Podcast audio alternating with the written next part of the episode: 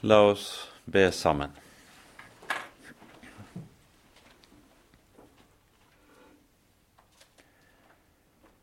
Kjære gode Herre og Hellige Far.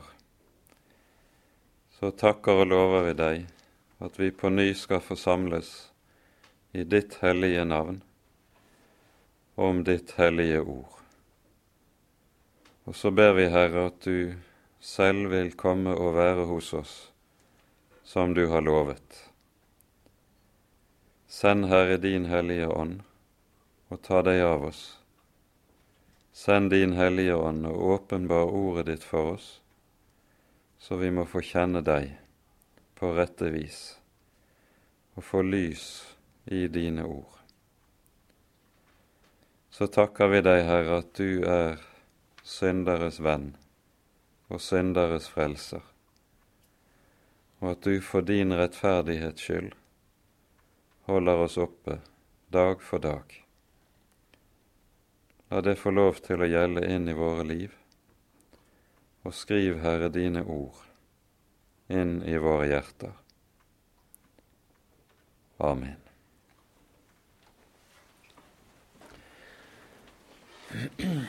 Sist gang så var vi altså sammen om fortellingen om Davids dype fall fra det ellevte og tolvte kapittelet i 2. Samuels bok.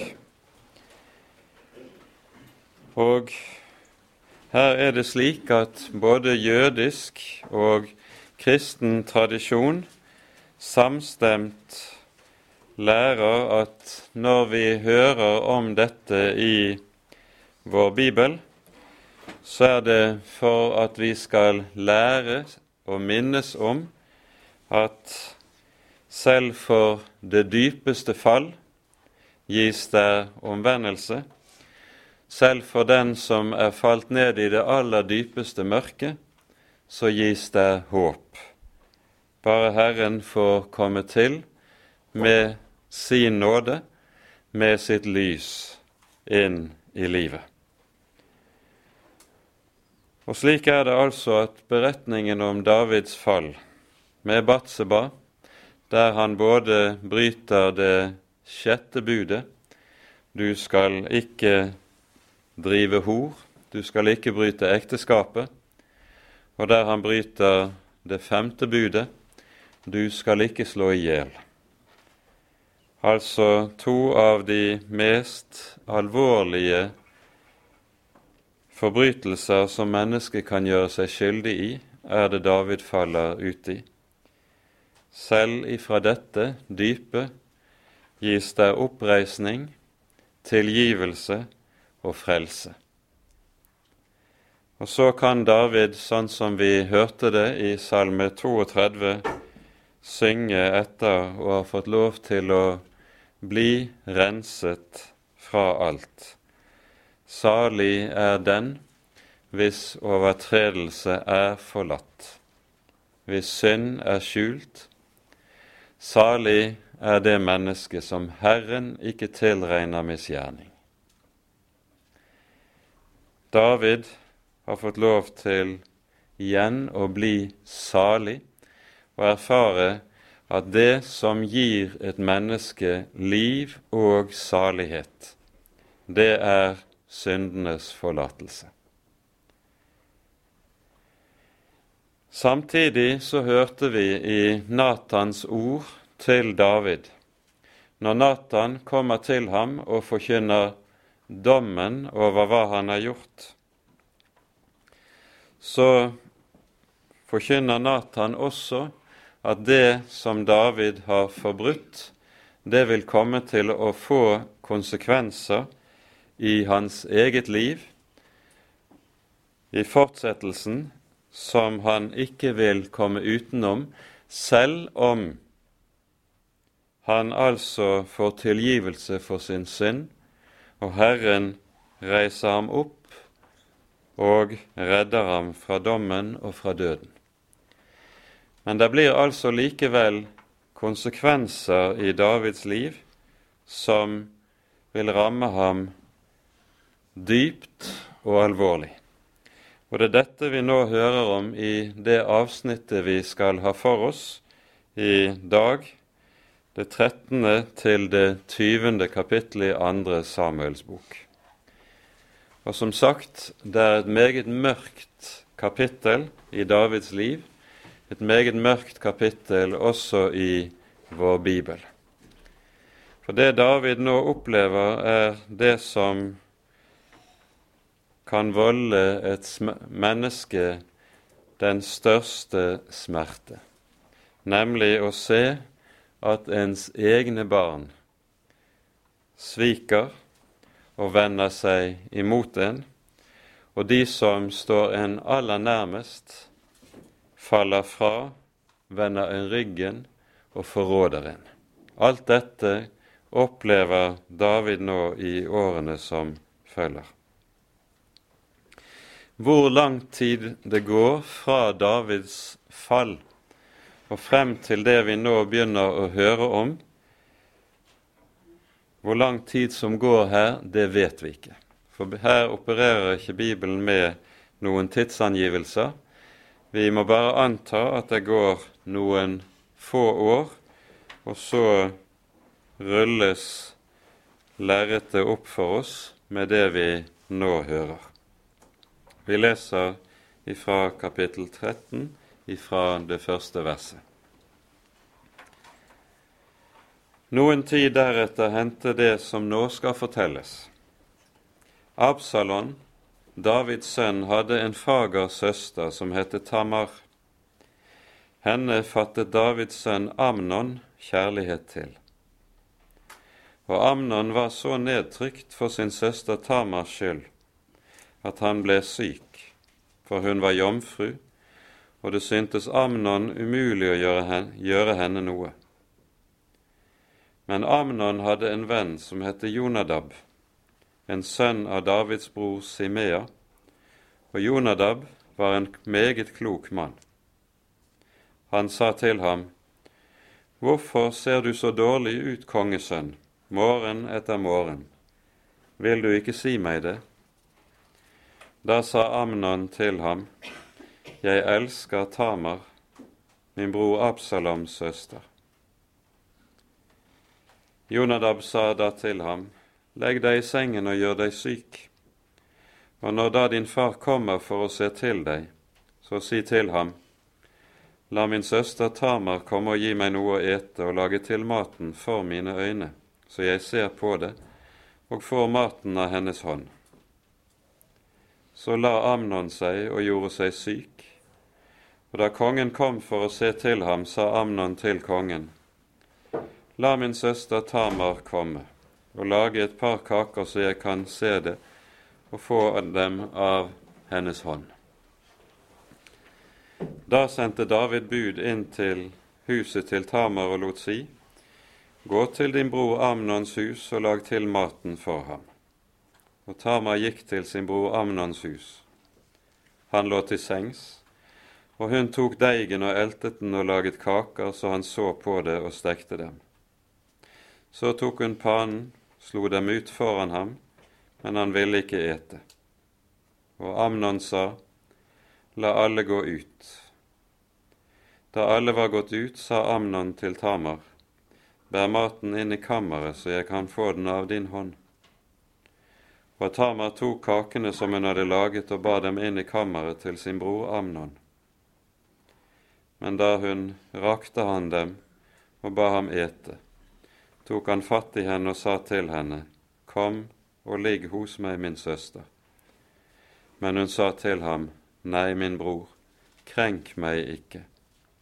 Slikt må ikke gjøres i Israel gjør ikke noe så skammelig. Hvor skulle jeg da gå hen med min skam? Og du ville bli regnet blant niddingene i Israel. Kjære, tal heller til kongen, han nekter deg ikke å få meg. Men han ville ikke høre på henne, han ble henne for sterk og krenket henne og lå hos henne. Men deretter fattet Amnon et sterkt hat til henne det hat han fikk til henne, var større enn denne kjærlighet han hadde hatt til henne. Og Amnon sa til henne, stå opp og gå din vei. Da sa hun til ham, Vold meg ikke så stor en ulykke. Jag meg ikke bort. Det vil, ville være verre enn det annet du har gjort imot meg. Men han ville ikke høre på henne. Han kalte på den gutten som gikk han til hånde, og sa, Jag denne kvinne ut på gaten og steng døren etter henne. Hun hadde en si kjortel på seg, for slike kåper brukte kongens døtre så lenge de var jomfruer. Hans tjener førte henne da ut på gaten og stengte døren etter henne. Men Tamar strødde aske på sitt hode og sønderrev den side kjortel hun hadde på seg, og hun la sin hånd på sitt hode og gikk skrikende sin vei. Da sa hennes bror Absalom til henne, Har din bror Amnon vært hos deg? Ti nå stille, min søster. Han er din bror, ta deg ikke så nær av dette. Så ble da Tamar i sin ulykke i sin bror Absaloms hus. Da kong David hørte om alt dette, ble han meget vred. Og Absalom talte ikke med Amnon, verken ondt eller godt, for han hatet Amnon, fordi han hadde krenket hans søster Tamar. Med det vi her hører, så er det vi ser begynnelsen på ulykken som begynner å ramme Davids hus. Det vi her hører om Amnon, som er Davids eldste sønn, og altså tronarving, det er noe som beskrives meget treffende av det Tamar sier i det tolvte og det trettende verset. Nei, min bror, krenk meg ikke. Slikt må ikke gjøres i Israel. Gjør ikke noe så skammelig. Når hun sier 'slikt må ikke gjøres i Israel', så peker hun på det som skulle kjennetegne Israel som folk. De er kalt til å være det hellige folket, der slikt skulle være absolutt ukjent. Mest av alt blant de som var satt til å være folkets fremste og folkets ledere. Hun sier også derfor hvordan folk vil se på Amnon etter en slik handling. Du vil bli regnet som en nidding i Israel.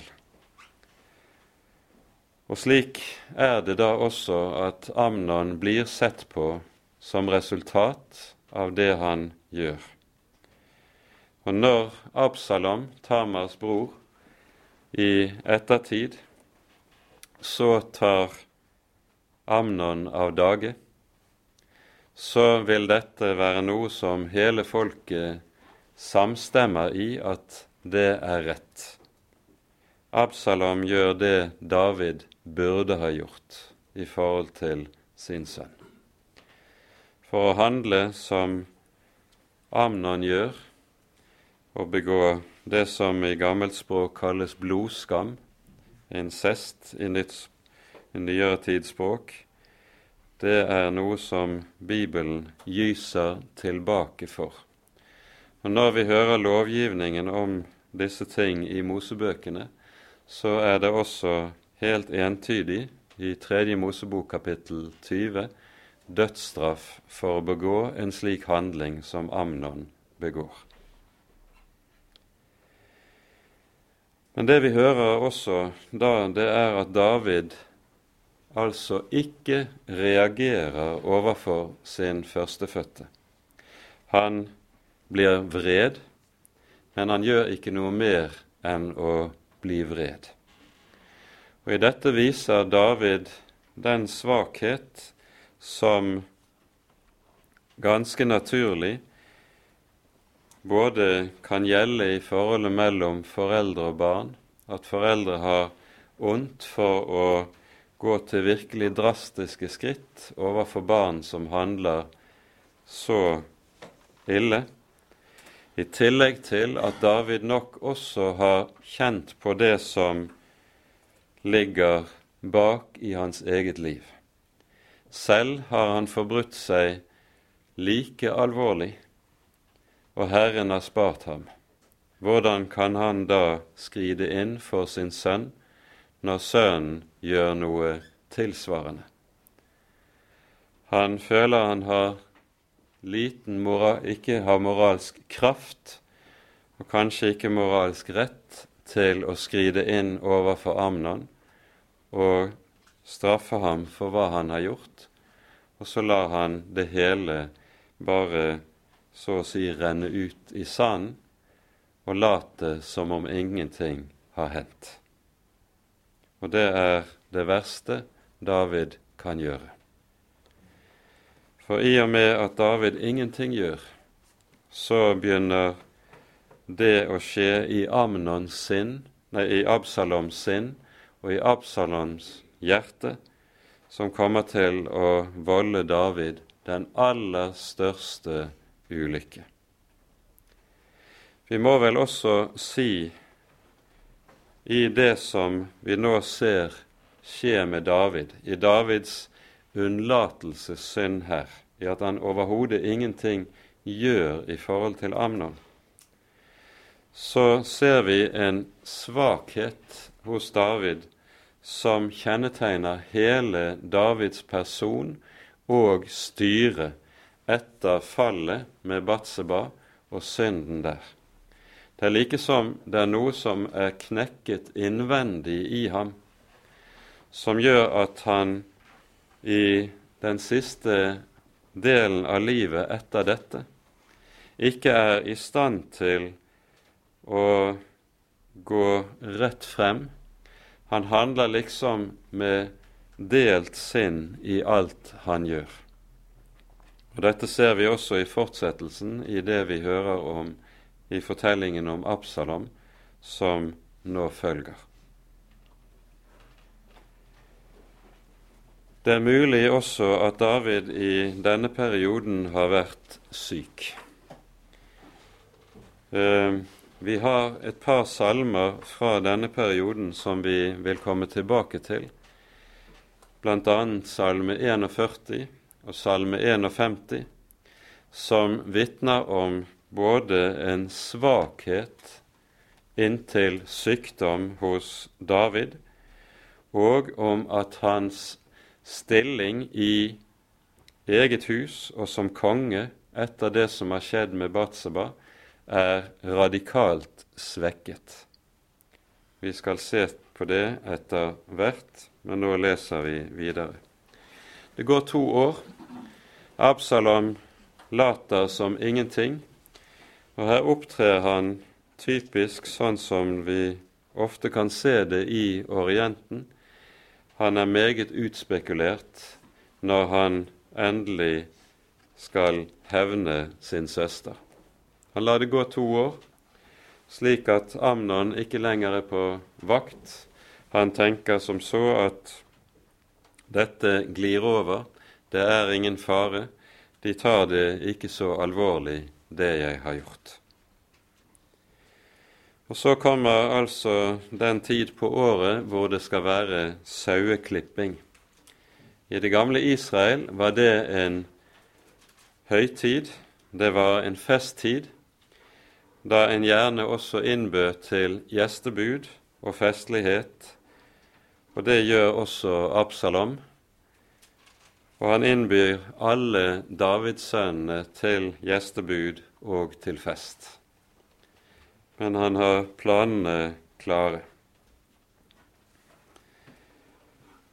Og så leser vi fra vers 28 i kapittel 13.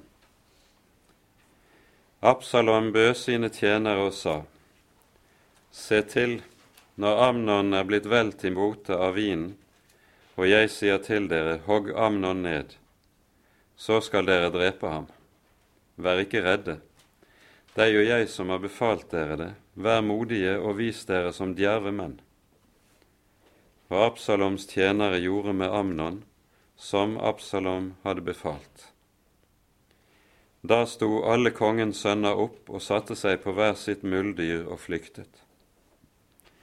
Mens de ennå var på veien, kom det ryktet til David. Absalom har slått alle kongens sønner i hjel.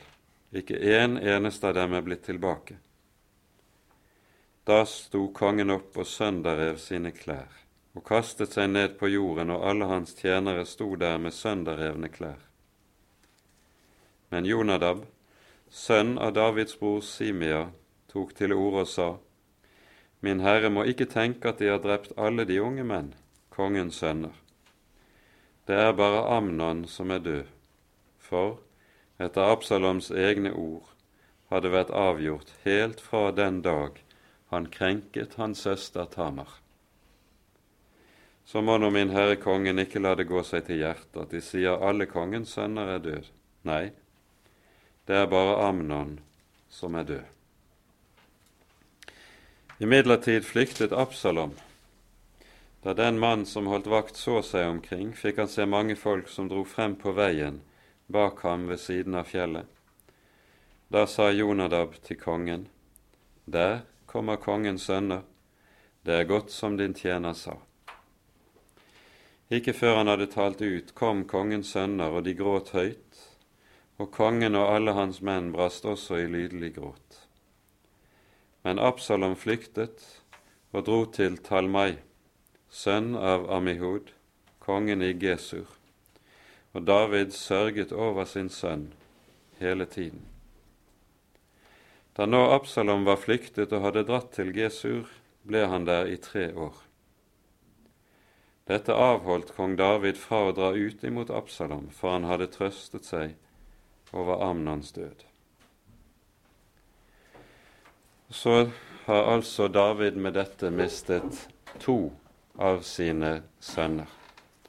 Både Amnon, den førstefødte, og Absalom, den som antagelig var den fremste og dyktigste av alle sønnene. Tre år blir Absalom så i landflyktighet hos Davids svoger, som altså er konge i et mindre naborike, Gesur. Og så er det at Joab, som vi leser i kapittel 14, får ordnet det slik at David overvinner sin motvilje mot Absalon og lar han komme tilbake igjen til Jerusalem. Men igjen blir det likesom noe som er halvt i dette. Når Absalom får komme tilbake, så er det ikke med tilgivelse. Det er slik at David lar ham slett ikke få lov til å få tiltrede ved hoffet. Han må bo hos seg selv, adskilt fra kongens hus og fra de som daglig omgås kongen. Og dette er noe som gnager på Absalom. Vi leser nå videre. Fra vers 23 i kapittel 14 leser vi. Så gjorde Joab seg rede og dro til Gesur og førte Absalom til Jerusalem. Men kongen sa:" La ham dra hjem til sitt eget hus, men han skal ikke komme for mine øyne.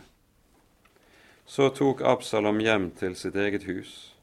Han kom ikke for kongens øyne. Men så fager en mann som Absalom fantes der ikke i hele Israel. Ingen som ble prist så høyt. Fra fotsåle til isse fantes det ikke noe lyte på ham. Og når han klippet håret på sitt hode, det gjorde han hver gang året var til ende fordi håret ble ham for tungt, og han måtte klippe det. Så veiet han sitt hår, og det veide 200 sekel etter kongens vekt. Her er det antagelig tale om en skrivefeil i Bibelen. Det skal være 20 sekel. Men det er også en anselig vekt. Det taler om flere kilo. Absalom fikk tre sønner og en datter som het Tamar. Hun var en fager kvinne. I det som her sies i vers 27, så skal vi merke oss noe som er ganske spesielt i Bibelen. Absaloms sønners navn nevnes ikke, kun datterens navn. Og vi forstår hva det er som ligger bak dette. Det er kjærligheten til sin ulykkelige søster som lyder igjen i dette. Absalom bodde nå i Jerusalem i to år, men kom ikke for kongens øyne. Så sendte Absalom bud til Joab for å få ham til å gå til kongen, men han ville ikke komme til ham. Han sendte bud ennå en gang, og ville ikke komme da heller. Da sa han til sine tjenere, se her ved siden av meg har Joab et jordstykke. Der har han bygg. Gå og sett ild på det og Absaloms tjenere satte ild på jordstykket. Da sto Joab opp og gikk til Absaloms hus og sa til ham, Hvorfor har dine tjenere satt ild på dette jordstykket? Og så fører dette da til at Absalom til slutt får tre frem for David, men i disse to årene som har gått, der Absalom har bodd i Jerusalem uten å få tiltrede hos David, er det en orm som har ligget og gnaget i bunnen av hans hjerte.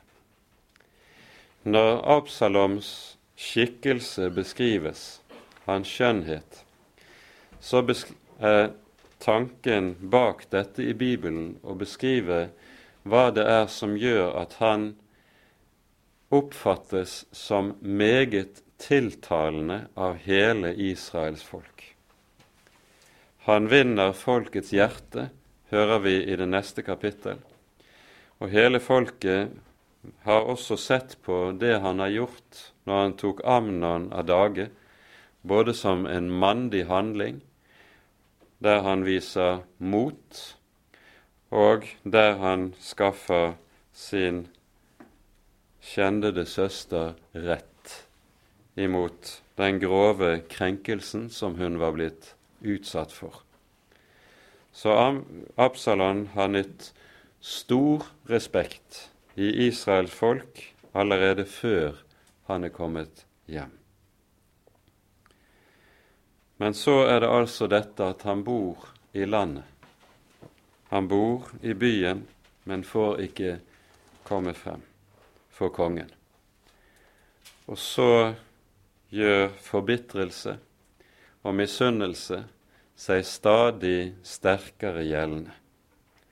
Han ser antagelig på sin far, som er så svekket i tiden etter det som var skjedd med Uria og Batseba, at han tenker det er på tide at vi får en ny konge, en konge som kan regjere med kraft i landet.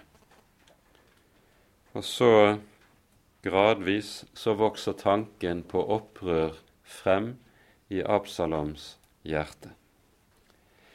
Og det er i disse årene, når Absalom er i landflyktighet, kanskje også etter at Absalom er kommet tilbake, at slike salmer som salme 41 og salme 55 skrives. Det er tydelig at i disse årene så har folket gradvis fått større og større motvilje mot David. Det er mulig at han også har vært syk og ikke har maktet å skjøtte styret av landet slik som han burde, og at ting har fått lov til å så å si surre og gå og dermed så blir det ikke godt i landet. Vi skal lese litt fra Salme 41, for her finner vi en tydelig beskrivelse av hvordan forholdene etter hvert har utviklet seg til å bli.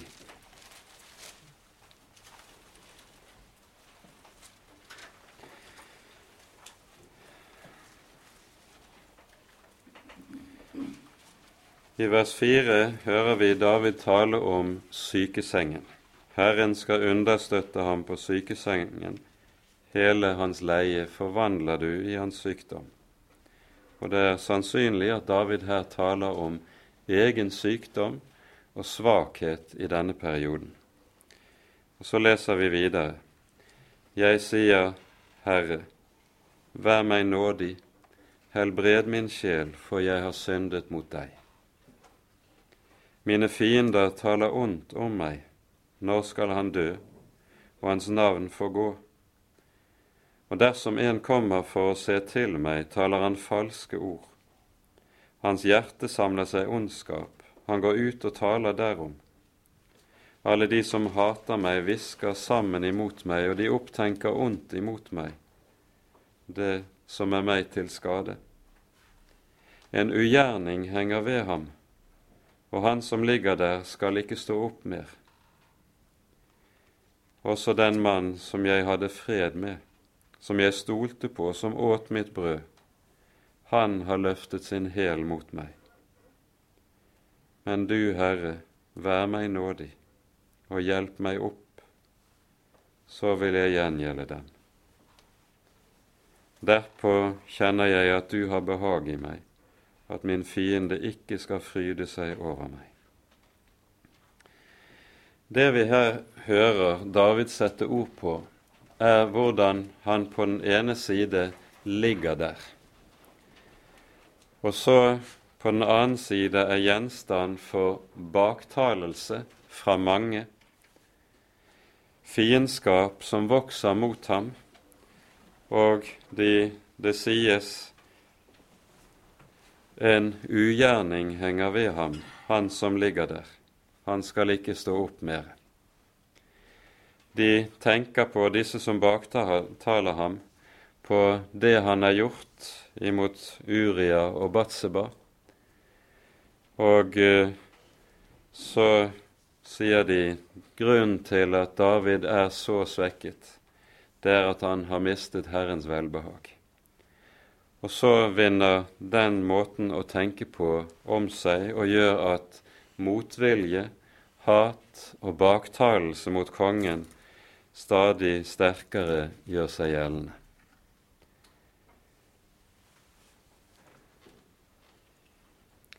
En ugjerning henger ved ham og han som ligger der, skal ikke stå opp mer. Det har vært en tung tid for David i dette, og det er slik, ser det ut til, som med David når han skriver som han her gjør, som vi kan høre om Paulus når han omtaler seg selv. Vi hører ved flere anledninger at Paulus, når han taler om seg selv, han kaller seg for den største av alle syndere. Hvorfor? Jo, sier han, fordi han har forfulgt Guds menighet. Det er tydelig at dette minner om hvordan han både har vært deltaker i mordet på Stefanus, og senere har forfulgt den kristne menighet. Dette minnet, det plager ham. Det ligger tungt på ham. Det er noe som stadig melder seg tilbake hos ham, og som truer med å maktstjele ham, tar frimodigheten fra ham. Og I denne nøden så har Paulus bare én ting å gjøre, på ny og på ny, å søke ly i Jesu Kristi nåde. Det blir noe han stadig drives til og må øve seg i når han plages av minnet om hva han har gjort. Antagelig er det sånn også for Davids vedkommende, at minnet om hva han har gjort, det ligger der og margstjeler ham. Selv om han vet, og han har Guds, e, fått høre Guds eget ord om at han er tilgitt, så ligger minnet der. Det melder seg igjen og igjen. Han er syk. Og så blir det vanskelig å tro Herrens nåde og Herrens miskunnhet. For Dette er noe vi skal legge merke til. At når det er lett å tro Guds nåde og Guds miskunnhet, da er det gjerne fordi synden egentlig oppfattes av oss som noe som er lite, som ikke betyr så veldig mye. Men når synden blir stor, når synden begynner å veie tungt i et menneskes liv og et menneskes hjerte, når samvittigheten virkelig stikker, da er det ikke lenger så lett å tro Herrens miskunnhet. Det er meget, meget vanskelig. Og det eneste som kan gi en hjelp til på ny å gripe fatt i troen på Herrens miskunnhet, er at en får høre ordet fra Guds munn om igjen og om igjen. Dine synder er deg forlatt.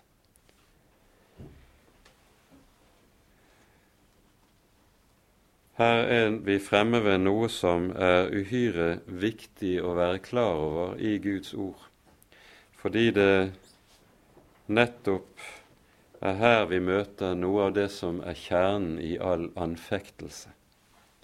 Det er det å tro syndenes forlatelse ikke er lettvint, men er nærmest umulig for et hjerte. David setter ord på dette i Salme 3, som vi skal komme tilbake til om litt. Men først må vi lese videre i kapittel 15 i 2. Samuels bok. For nå har Absalom bestemt seg. Beslutningen er modnet i hans eget hjerte. Og vi leser fra vers 1. Noen tid etter la Absalom seg til vogn og hester og 50 mann som løp foran ham. Og Absalom pleide å stå tidlig opp og stille seg ved siden av veien til porten. Og så ofte der kom en mann som hadde en sak han ville føre frem for kongen og få dom i, kalte Absalom på ham og spurte, Hvilken by er du fra? Når han så svarte, Din tjener er fra den og den av Israels stammer, så sa Absalom til ham, Din sak er god og rett, men hos kongen er det ingen som hører på deg. Så sa Absalom, bare de ville sette meg til dommer i landet. Da skulle hver mann som hadde en trette eller sak, komme til meg, og jeg skulle hjelpe ham til sin rett.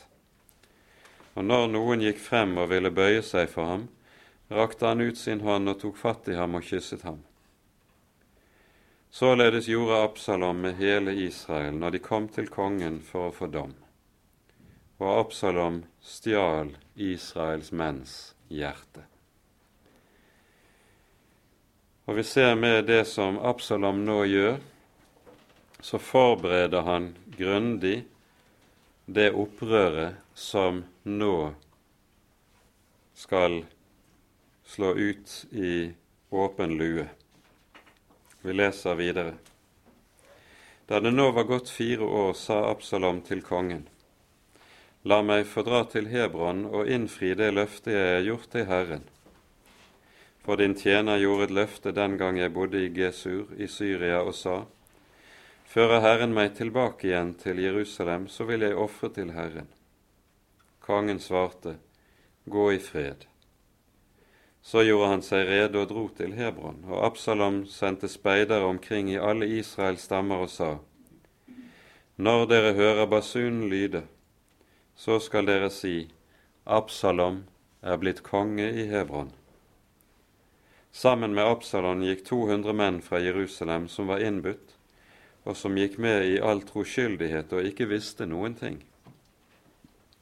Og mens Absalom bar frem ofrene, hentet han gilonitten Akitofel, Davids rådgiver fra hans by Gilo.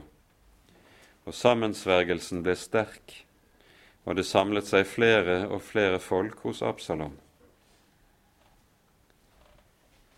Og så hører vi med dette at beslutningen er fattet, og Absalom sitt opprør blir altså åpent og offentlig. At Absalom velger Hebron til dette, er jo ikke tilfeldig. Det var i Hebron David hadde regjert i syv år før han ble konge over hele Israel og flyttet hovedstaden til Jerusalem. Og det kan vel godt tenkes at de i Hebron har følt seg forsmådd over at byen ikke lenger var hovedstad i riket. Og når Absalom så gjør det han gjør, så kunne han regne med også oppslutning lokalt i byen der.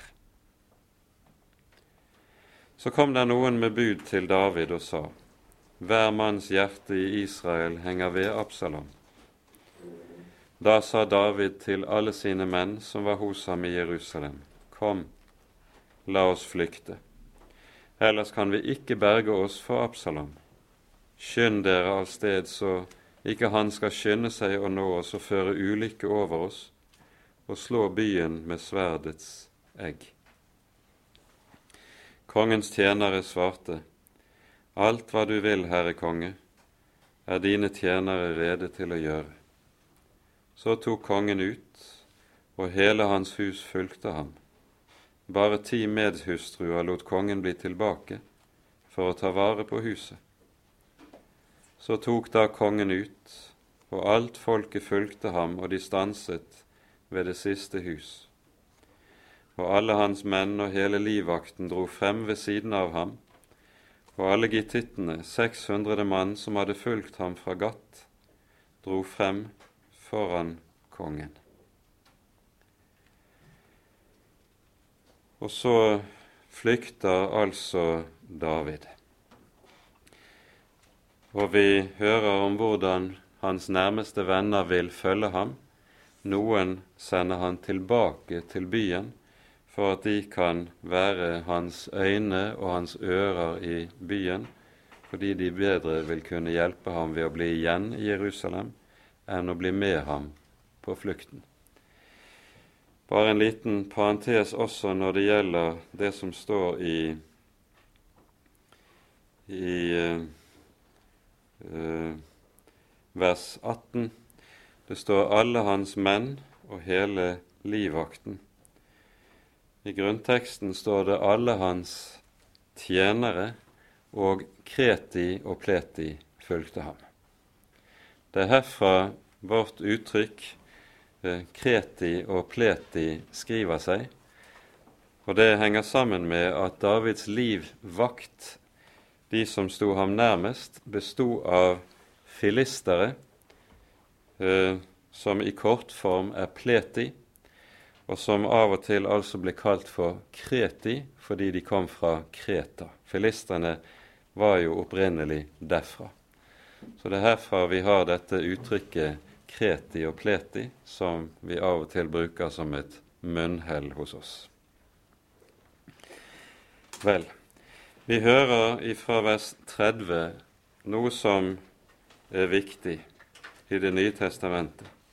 Det står David gikk gråtende opp efter Oljeberget med tilhyllet hode og barfotet, og alt folket som var med ham, hadde også tilhyllet sine hoder og gikk gråtende oppover. Dette at David slik går gråtende over Kedronbekken, som skiller Jerusalem fra Oljeberget, det er jo det som ligger som forbilde når vi hører om Jesus som den siste kvelden går over Kedron til Oljeberget. På samme måten som David ble forrådt, slik ble også Herren Jesus forrådt, og går den samme vei. Og i dette som her skjer, så blir David også noe av et forbilde på han som er Davids større sønn. Vi rekker jo ikke å gå inn på alt det som nå skjer i detalj. Men et par trekk skal vi stanse ved. For det første, i slutten av kapittel 16, så hører vi om Akitofel, som var Davids rådgiver. Han har altså sluttet seg til Absalom og blitt med i opprøret mot David. Og Det står om Akitofel i vers 23 i kapittel 16, altså det siste verset. I den tid gjaldt et råd som Akitofel gav, like så meget som om en hadde spurt Guds ord til råds. Så meget gjaldt hvert ord av Akitofel, både hos David og hos Absalom. Her hører vi altså om en rådgiver som er satt så høyt, så høyt verdsatt, at hans råd verdsettes på linje med Guds eget ord. Dette viser noe av det som er farlig i alt menneskelig liv. At enkelte mennesker kan komme til å få en stilling og en betydning at det de har å si, det regnes på linje med Guds ord. Det får en plass og en betydning i menneskenes hjerte som om det var Herren selv som talte det det gjaldt. En slik stilling og en slik betydning må intet menneske få. Og det er uhyre farlig dersom en slik menneskeforgudelse kommer inn, at mennesker får en slik stilling.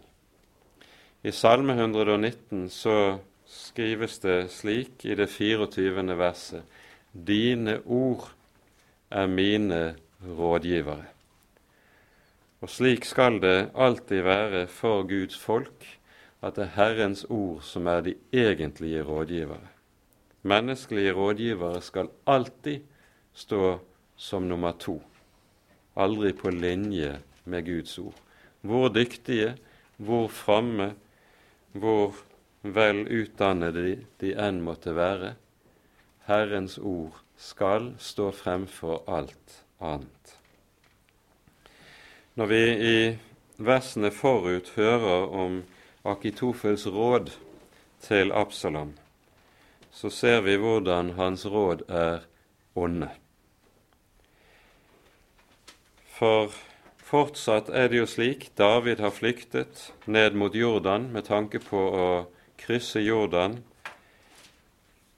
Og så er Absalom i Jerusalem og samler folk hos seg for å styrke sin stilling. Men saken står fortsatt og vipper. Og det kunne jo hende slik muligens, tenker Akitofel, at de to David og Absalom kunne forsones enda en gang, hva vil da skje med oss som har sviktet David? Akitofel visste at da var hans hode et av de første som ville rulle. Og For å hindre dette så sørger han for at Absalom gjør en handling der han brenner alle broer bak seg det blir umulig at det kan komme til noe som helst form for forlik mellom Absalom og David. Det er det vi hører i vers 20 til 22. Så sa Absalom til Akitofel, gi meg nå et råd og si hva vi skal gjøre. Akitofel svarte, gå inn til din fars medhustruer som han lot bli tilbake, for å ta vare på huset. Når da hele Israel får høre at du har gjort deg forhatt hos din far, så vil motet økes hos alle dem som er med deg. Så reiste de et telt for Absalom på taket, og Absalom gikk inn til sin fars medhustruer for hele Israels øyne. Og med denne handlingen, at altså Absalom ligger hos sin fars hustruer, så er alle broene brent. Det er ingen vei tilbake. Dette er en offentlig handling der Absalom vanærer sin far så grovt at enhver, ethvert forlik vil være umulig. Så er det at Absalom i det neste kapittelet også gir et råd videre. Den beste måten du kan seire på, det er ved å dra etter David umiddelbart, før de har fått organisert seg og organisert hæren som er med. Da kan du komme over ham om natten mens de fortsatt er motløse og folket er i forvirring, og så vil du kunne slå ham. Dette var også det beste rådet som Absalom kunne få. Men i dette hindres han av at David har latt en meget trofast venn, som også var en klok rådgiver, bli igjen i Jerusalem, arkitten Hosei, som gir et annet råd. Han sier det er bedre at du blir igjen, tar deg tid, samler mye folk hos deg, så skal det lykkes. Og så står det i vers 14 om dette. Da sa Absalom å være Israels mann, arkitten Husais råd er bedre enn Akitofels råd. Men det var Herren som hadde laget det slik, for å gjøre Akitofels gode råd til intet, så Herren kunne la ulykken komme over Absalom. David er på flukt, og hva som kjennetegner Davids hjerte når han nå er på flukt, det ser vi i Salme 3, som er den salmen vi finner i Salmenes bok som direkte tar, omtaler flukten for Absalom. Det er en kort salme, men den er uhyre innholdsrik. En salme av David da han flydde for Absalom sin sønn. Antagelig nettopp den natten som David er på flukt, er det denne salmen blir til. Vi leser Herre, hvor mange mine fiender er, mange reiser seg imot meg. Mange sier til min sjel, det er ingen frelse for ham hos Gud. Sela.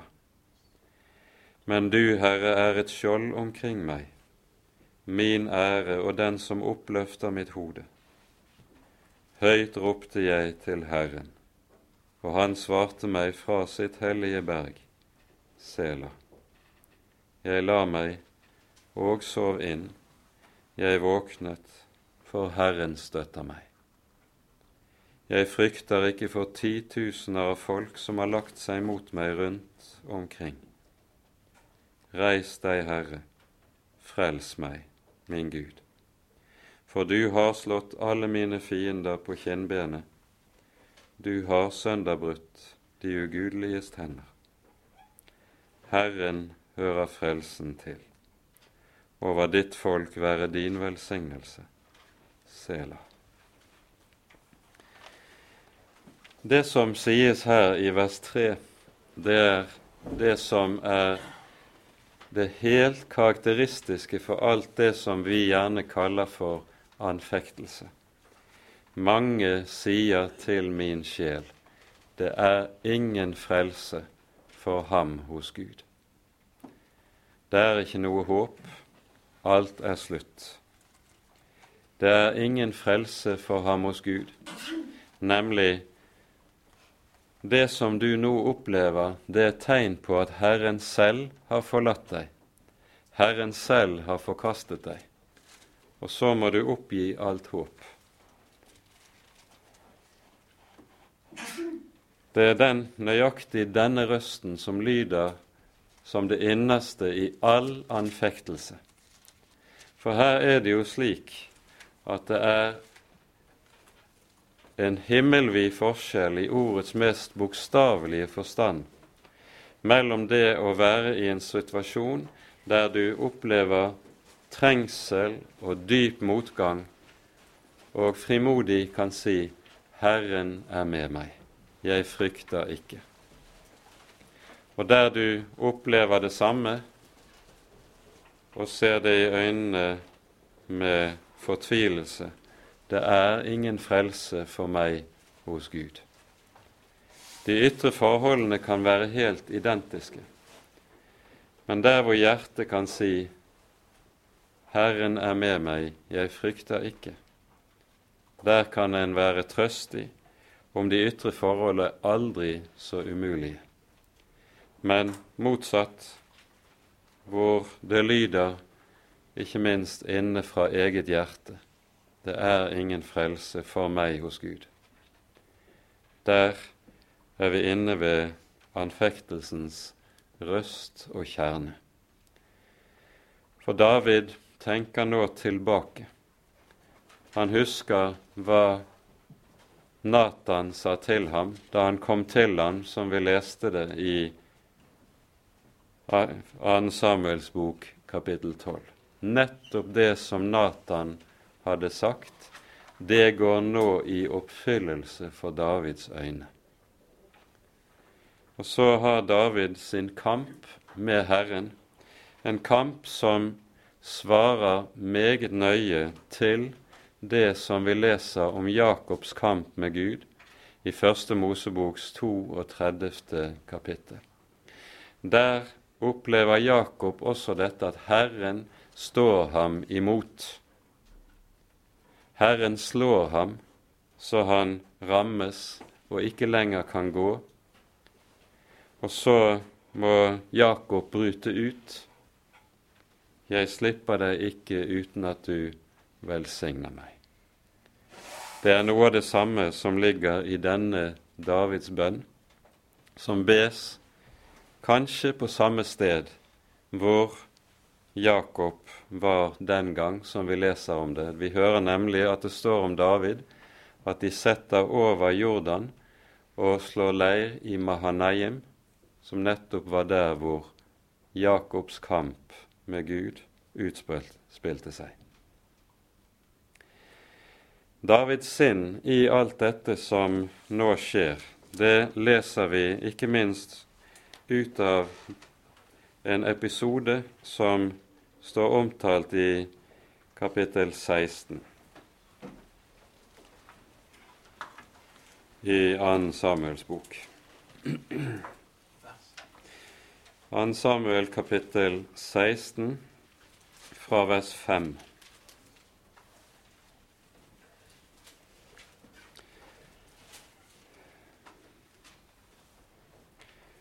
da kong David kom til Baforim. Dette er i, når du kommer ned i området der det nærmer seg, nærmer seg Jordan. Kom der ut derfra en mann som var i slekt med Sauls hus og het Simei, Geras sønn. Han kom bannende og kastet med stein etter David og alle Davids tjenere, mens alt folket og alle de djerveste krigsmennene gikk med ham, både på høyre og venstre side. Og Simei bannet ham med disse ord. Bort, bort med deg, din blodhund, din nidding. Herren har nå latt komme over deg alt det blod som har flyttet i Sauls hus, han i visst sted du ble konge. Og Herren har gitt kongedømmet til din sønn Absalom. Se, nå er du kommet i den ulykken du har fortjent, for en blodhund er du. Da sa Abisai, Serujas sønn, til kongen. Hvorfor skal denne døde hund banne min herre kongen? La meg gå der bort og slå hodet av ham. Men kongen sa, Hva har jeg med dere å gjøre, dere Serujas sønner? Når han banner, og når Herren har sagt til ham, bann David, hvem tør da si, hvorfor gjorde du det? Og David sa til Abisai og til alle sine tjenere, Se, min sønn, som er utgått av mitt liv, står meg etter livet. Hvor meget mer, ikke da denne benjaminitt. La ham bare banne, for Herren har befalt ham det. Kanskje Herren ser til meg i min nød, så Herren gir meg lykke til gjengjeld for den forbannelse som har rammet meg i dag. I første Peters brev så skriver Peter slik:" Ydmyk dere under Guds veldige hånd. Og det er det vi hører David her gjør. Han blir utsatt for den groveste urett når han er kommet i denne nød. Men i stedet for å bruke anledningen og ta igjen, så bøyer han seg i dette under Herren og ser det slik det er Herren som nå bøyer meg, og så ydmyker meg. Og så legger han alt over i Herrens hender. Og I dette så ser vi noe som er, kommer til syne i flere av Davids salmer. Hvordan skal en opptre når mennesker står en imot, når kjød reiser seg og vil en ondt. Da er det alltid fristende å svare på menneskelig ondskap med menneskelige midler, og besvare kjød med kjød. Men det David gjør, det er at han avstår fra dette. Han legger saken i Guds hånd og lar Herren være den som skal svare når tiden er der. Kanskje aller klarest settes det ord på dette i den 56. salmen, som er skrevet tidligere i Davids liv. Vi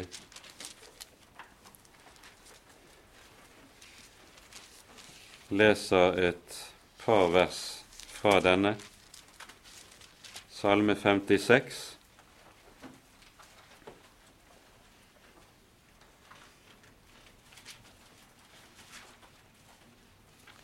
Her står det sånn i vers 4 og vers 5.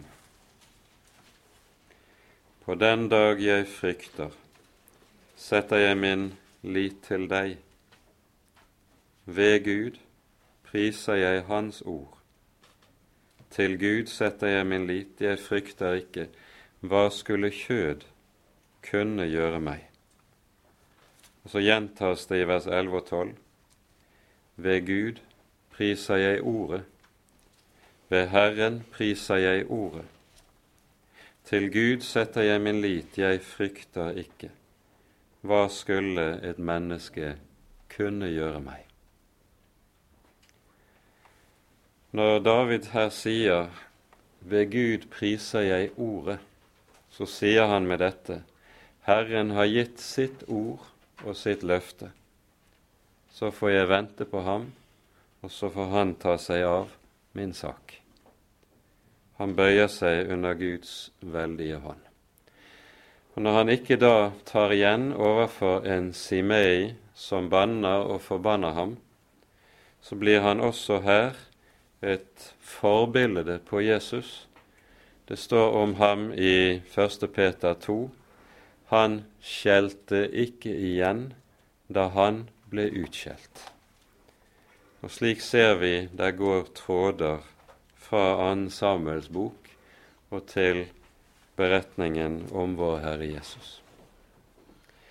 Nå rekker vi ikke å si mer om kampen som til slutt står i skogene på østsiden av Jordan, der Absalom må bøte med livet for Davids hærfører Joabs hånd. Utgangen på det hele det blir at David får lov til å komme tilbake, og hele Israel samler seg på ny om ham for å gjeninnsette ham og krone ham som sin rette konge. Det er antagelig slik at den salmen som er blitt til etter disse begivenhetene, det er den vi finner i Salme 62, som vi leser noen vers fra til slutt, for vi rekker ikke mer i dag.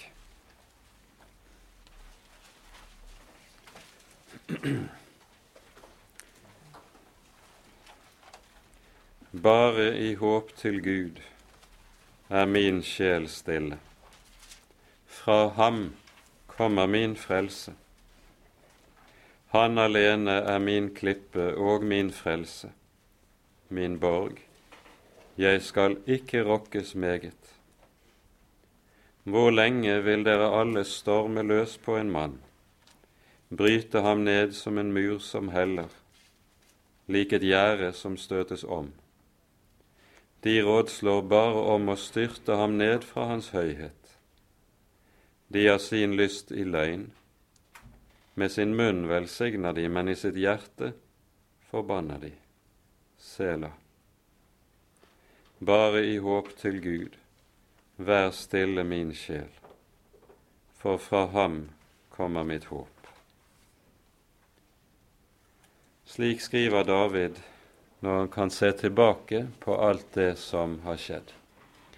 Midt inn i dette som har vært hans tyngste nød. Og da skal vi huske han var meget prøvet tidligere i sitt liv. Så har David likevel aldri opplevd en nød som har vært ham så tung, et mørke som har vært så dypt, som han gjorde det da hans egen sønn reiste seg mot ham og forrådte ham som han gjorde det. I dette mørket er det det som vi leser her i Salme 62, som blir stående. Som blir stående etter David som vitnesbyrde om hva det er som bærer, som holder også når det er som aller mørkest og som aller tyngst. Bare i håp til Gud er min sjel stille. Fra ham kommer mitt håp. Og med det får vi sette punktum for i dag. Vi får ta de neste avsnittene, eller avslutningen av denne historien, mer i detalj på neste bibeltime. Ære være Faderen og Sønnen og Den hellige ånd, som var og er og være skal, en sann Gud, høylovet i evighet. Amen.